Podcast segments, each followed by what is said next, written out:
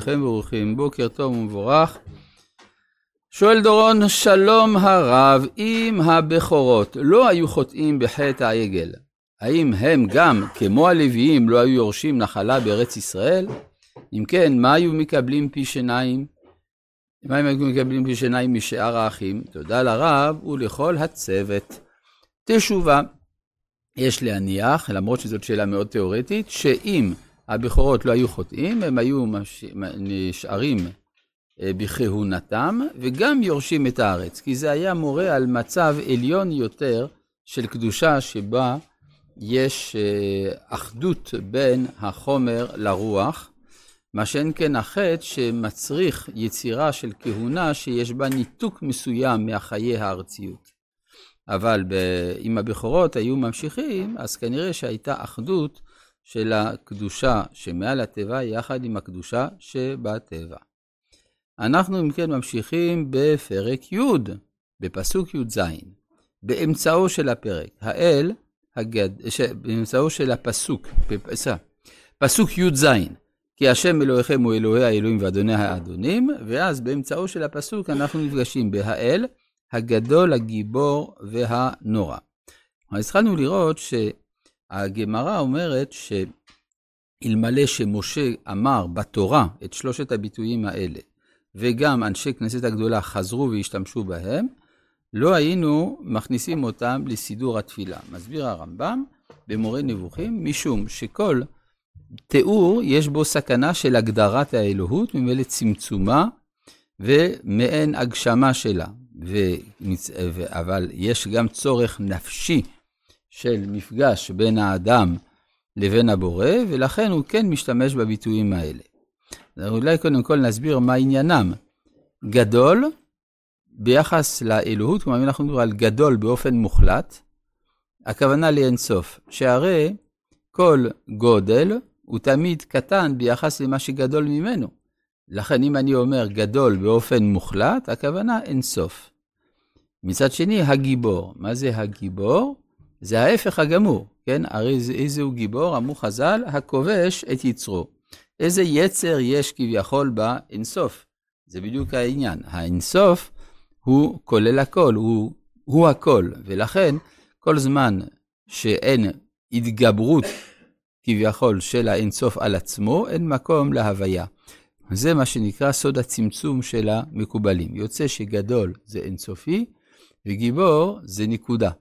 זה בדיוק הפוך אחד מהשני. והנורא, נורא לפי זה, זה האיזון בין שניהם. כמו שכתוב, ומעל ראשי החיות רקיע, מעין, כעין הקרח הנורא, נטוי על ראשיהם מלמעלה. אז נורא זה החוויה שחווה אדם שצריך לשמור בדיוק על האמצע בין שני קצוות, שלא ליפול לא לכאן ולא לשם. זה האל הגדול, הגיבור והנורא, גם יחד. הוא גדול בתור אלוהי אברהם, גיבור בתור אלוהי יצחק, נורא בתור אלוהי יעקב. ואנחנו מאמינים באלוהי אברהם, יצחק ויעקב כאחד. כי אם היינו שומעים את השיח של אברהם, אז, ואחר כך את השיח של יצחק, לא היינו מתרשמים שזה על אותו אלוה מדברים. אבל התורה מגלה לנו שאף על פי שהתפיסות לכאורה סותרות זו את זו, באמת זה אותו האלוה. האל הוא בעצמו הגדול, הגיבור והנורא, גם יחד. כתוב בספר ירמיהו, בשעה שבאים הבבליים ועומדים לכבוש את ירושלים, אז ירמיהו נושא תפילה. ושם הוא קורא לקדוש ברוך הוא, האל הגדול, שם, האל הגדול והגיבור. והוא לא קורא לו הנורא. אומר, אומרים חז"ל, למה לא אמר הנורא?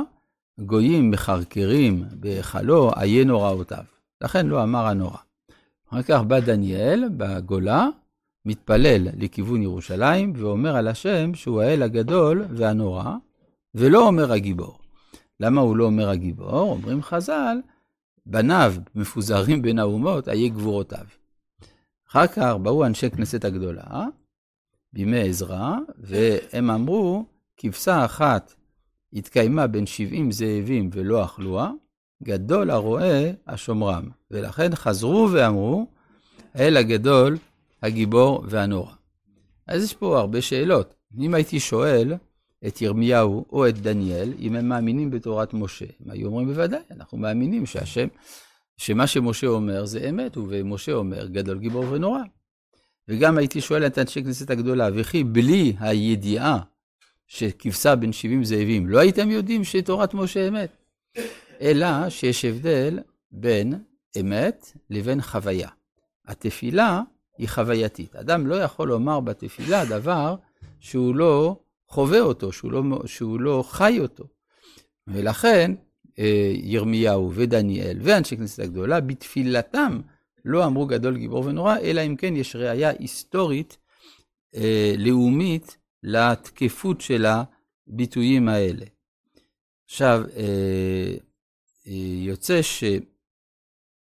שאדם לא יכול לומר בתפילה דבר שלא שייך אליו, ולכן משה, כן, חווה את זה שהשם הוא גדול, גיבור ונורא, והיה צריך שהדורות הבאים יעברו אה, חוויה דומה.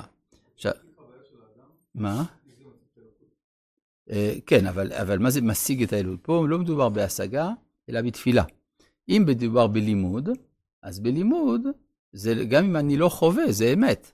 כלומר, אני לא צריך, למשל בגיאומטריה, אני לא צריך להרגיש משולש כדי לפתור בעיה בגיאומטריה. מה שאין כן, אם מדובר בהתקשרות בעל אופי רגשי, בטבעה, שזה התפילה, אז כן. כן. עכשיו, נשאלת השאלה, מה פירוש הביטוי האל, כן? האל, הגדול, הגיבור והנורא. מה זה האל? האל זה המושג המופשט, השכלי דווקא. לפני שאנחנו מכירים בתוך החוויה הרגשית, יש לנו ידיעה שהאלוהות היא מופשטת. זה המשמעות של הביטוי האל. לכן גם בתפילה, אחרי שאנחנו אומרים האל הגדול, הגיבור והנורא, חוזרים לומר אל עליון. זאת אומרת, למרות שאנחנו משיגים אותו בבחינת גדול, גיבור ונורא, הוא נשאר בעליונותו, האל הגדול, הגיבור והנורא, אל עליון. אשר לא יישא פנים ולא ייקח שוחד, עושה משפט יתום באלמנה ואוהב גר לתת לו לחם ושמלה. כלומר, אה, אחרי ההכרה ש, אה, שהאלוהות היא, הוא גדול, גיבור ונורא, אבל אחר כך יש לזה השלכות מוסריות. כלומר, אם אתה יודע את השם, לא ייתכן גם שלא תתנהג באופן מוסרי של תיקון העולם הזה, כמו שהרמב"ם גם כן מעיר בסוף המורה נבוכים, שמה שהמטרה של, הגדול, של גדולי עולם להשיג את השם, שנאמר, השכל וידוע אותי, זה נמשך אחר כך בעושה חסד, צדקה ומשפט בארץ, כי באלה חפצתי. כן, אז גם פה, אותו עיקרון מופיע בדברי משה רבנו, אה, ועושה משפט יתום ואלמנה ואוהב גר, לתת לו לחם ושמלה. ועכשיו תגידו, לחם ושמלה זה כלום. מה זה? זה כל מה שיש לך לתת למי שמצטרף אל עבודת השם, אל אהבת השם, רק לחם ושמלה. אז אה, יש לציין שיעקב אבינו גם כן אמר את זה. אם יהיה אלוהים עמדי, ושמרני בדרך הזה אשר אני הולך, ונתן לי לחם לאכול ובגל ללבוש. זאת אומרת, אה, לחם ושמלה זה לא דבר קטן, אלא זה כולל בעצם את כל צורכי האדם. לחם, הכוונה, כל מה שהאדם זקוק לקיומו. שמלה, כל מה שהאדם זקוק להגנתו. וזה כולל ביתו, כן? גם הבית של האדם הוא שמלתו של האדם וכדומה. אז בעצם זה נקודת התחלה, לחם ושמלה, זה כולל את הכל. והתוצאה של כל זה, ואהבתם את הגר. כי גרים הייתם בארץ מצרים, אז מה זה לאהוב את הגר? הרי מה זה שונה מ"ואהבת לרעך כמוך"? אומר הרמב"ם, באהבת הגר זה דומה לאהבת השם. הרי באהבת השם לא נאמר ואהבת לשם אלוהיך, ואהבת את השם אלוהיך. גם כאן, הגר, ההצטרפות שלו אליך, איננה בגלל שהוא גדל איתך בבית ספר והוא מאותה משפחה, הרי הוא בא מבחוץ, ואף על פי כן הצטרף. אז מה הביא אותו? אהבת השם. לכן, אהבת הגר היא דומה לאהבת השם במהותה, שלא כמו האהבה הרגילה לבני ישראל, שהם יש גם הצטרפות של אהבה טבעית, מה שנקרא אהבת המשפחה הטבעית בין בני אדם. רבי